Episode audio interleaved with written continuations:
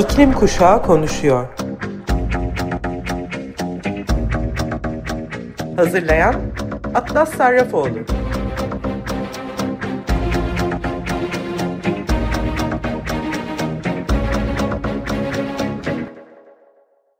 Herkese merhaba sayın Açık Radyo dinleyicileri. Bugün sizlere okuyacağım röportaj Sırbistan'dan iklim aktivisti arkadaşım Alija Mazdoviç ile. Alija Mazdoviç 14 yaşında Sırbistanlı bir iklim aktivisti.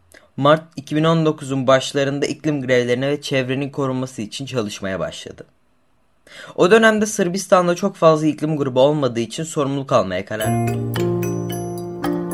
Herkese merhaba sayın Açık Radyo dinleyicileri. Bugün sizlere okuyacağım röportaj Sırbistan'dan iklim aktivisti arkadaşım Alija Mazdoviç ile. Alija Mazdoviç 14 yaşında Sırbistanlı bir iklim aktivisti. Mart 2019'un başlarında iklim grevlerine ve çevrenin korunması için çalışmaya başladı. O dönemde Sırbistan'da çok fazla iklim grubu olmadığı için sorumluluk almaya karar verdi ve Fridays for Future Novi pazarı kurdu. Vatandaşların iklim değişikliği konusunda ve gezegenin bizim tek evimiz olduğunu anlamasını diliyor.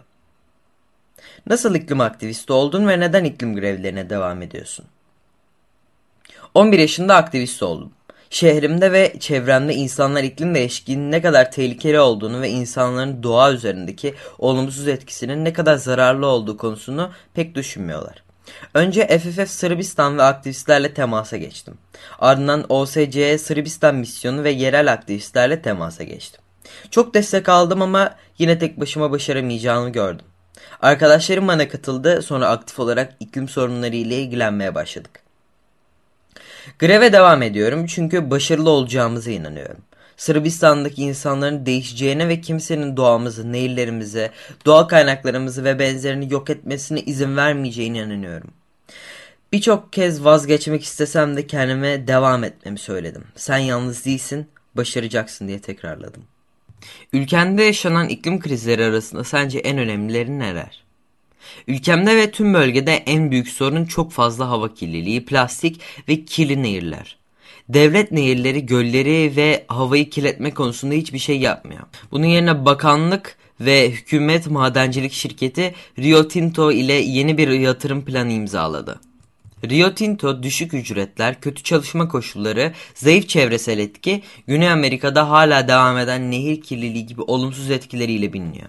Sırbistan genelinde protestolar devam ediyor. Doğal zenginliğimizi yok etmelerine ve nükleer silahları kullanmalarına izin vermeyeceğiz. Rio Tinto'ya karşı protesto ve kampanyaya hem yerel hem de uluslararası bir grup aktivist ve aktör destek verdi. Bunu söylüyorum çünkü Sırbistan'ın uyanacağını yatırımcılara ve vatandaşlara karşı çalışan hükümete karşı mücadele edebileceğimizi asla hayal etmemiştim. Sadece Rio Tinto'ya değil tüm kirletenlere Sırbistan ve Balkanların hayallerini gerçekleştirecekleri koloniler olarak derslerini vermek istiyoruz. Sağlıklı bir çevre hakkına sahibiz ve bunu birlikte getireceğiz. Ülkende politikacılar ve genel olarak halk arasında iklim bilinci nasıl? İklim değişikliği ve çevrenin korunmasına ilişkin siyasi farkındalık çok düşük. Vatandaşların bir şey beğenmesi, söyleyecek bir, bir şeyimiz olması, onların ne yapacaklarına, ne istediklerimize katılıp katılmamaları umurlarında değil. Vatandaşların izni olmadan yatırımcıları kendilerine çekmek onlar için çok önem taşıyor. Ücretler, çalışma koşulları, karlılık, yerli üretim daha mı iyi kimseye sormuyorlar. Şimdiye kadar durum böyleydi ve şimdi insanlar cevap veriyor. Paramız nereye gidiyor? Bize ne veriyorsunuz? Yapılanların arkasında kimler var? Sırbistan'ın yakında AB'ye katılmasını istiyorsanız gençleri ve vatandaşları biraz dinlemeli. Kendi başlarınızı çalışmamalı, boş vaatleri bırakmalı ve bizi denemelisiniz. Toplum söz konusu olduğuna toplum hala bölünmüş durumda. Bazıları farkında bazıları değil. Gençler çoğunlukla farkında değiller ve ekoloji konusunda ilgilenmiyorlar. Yine de onların suçu değil, ebeveynler, devlet ve toplumun suçu bunlar. Bu nedenle çevre eğitiminin yanındayız. Gençlerin gelecekte Sırbistan'da kalabilmeleri için iklim değişikliğinin olmadığı bir dünya olmalı. Çok eskiden normal ve şimdi anormal olan bir dünya. Dünya liderlerine seslenecek bir platformda olsaydın onlara ne söylemek isterdin? Politikacılara hitap edecek bir platformda olsaydım, Orta Doğu'da her gün ölen aç insanlara nasıl olup da üzülmediklerini, bu büyük kuraklığa rağmen Güney Yarımküre'de tarıma dayalı yaşayan insanlara nasıl üzülmediklerini sorardım. Sessiz oldukları ve etrafımızda olup bitenleri izledikleri için nasıl oluyordu üzülmüyorlar. İnsanların ölümlerini ve savaşlarını izleyerek ve dinleyerek nasıl uyuduklarını, insanların iklim felaketlerinden, kıtlıktan, depremlerden, sellerden nasıl öldüğünü görerek nasıl üzgün olmadıklarını sorardım. İnsanlar için mi veya sadece kendi çıkarları için mi çalıştıklarını sorardım. İnsan kalbindeki o insanlık ve iyilik nereye gitti? Doğa ve insan sevgisi nereye gitti? Neden sadece kendimize bakıp başkalarını önemsemiyoruz? Onlara söyleyeceklerim bunlar olurdu. 2030'da kendini ve dünyayı nerede görüyorsun? 2030'da kendime hedefleri olan başarılı bir genç adam olarak hayal ediyorum. Kendimi hayatını yaşayan, seyahat eden, güzel şeyler yapan, dindar ve kendisiyle gurur duyan bir adam olarak hayal ediyorum. Söyleyeceklerim konusunda iyimserim. Ben her zaman olumlu düşünüyorum. Bence değişim için, sistematik değişim için hala zamanımız var. İklim değişikliği olmadan dünyamızın döneceğine ve 2030'a gururlu ve mutlu adım atacağımızı düşünüyorum. Hala vaktimiz var. Tam 9 yıl. Hikayelerimizin eyleme dönüşmesine izin verin. Ülkendeki ve dünyadaki Covid-19 salgını ve iklim krizinin ilişkisi hakkında ne söyleyebilirsin? Geçişin sence nasıl olması gerekiyor?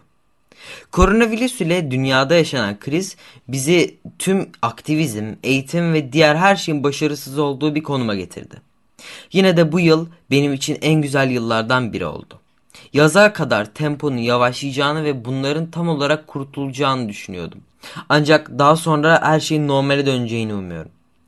Ayrıca virüslerin daha sonra da ortaya çıkabileceğini anlamalıyız ama yine de insanız. Dikkatli olacağız ama hayatımızı sıfıra indirip kendimizi kilitlemeyeceğiz de.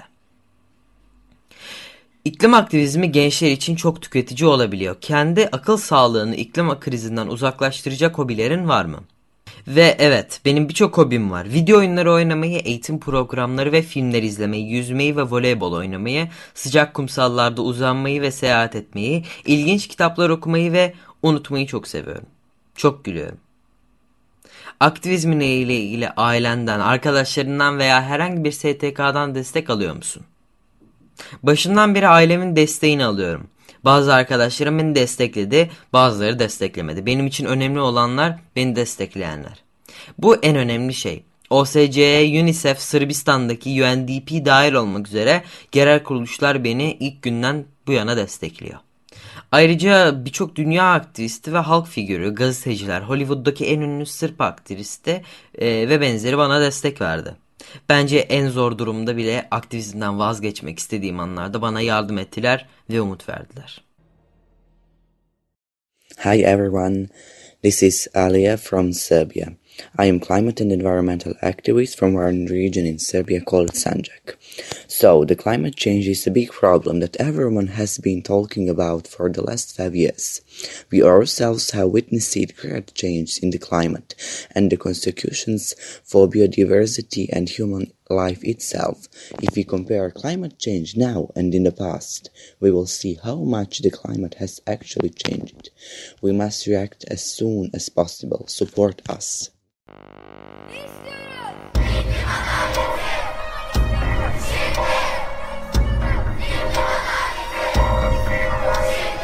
İklim Kuşağı konuşuyor. Hazırlayan Atlas Sarrafoğlu.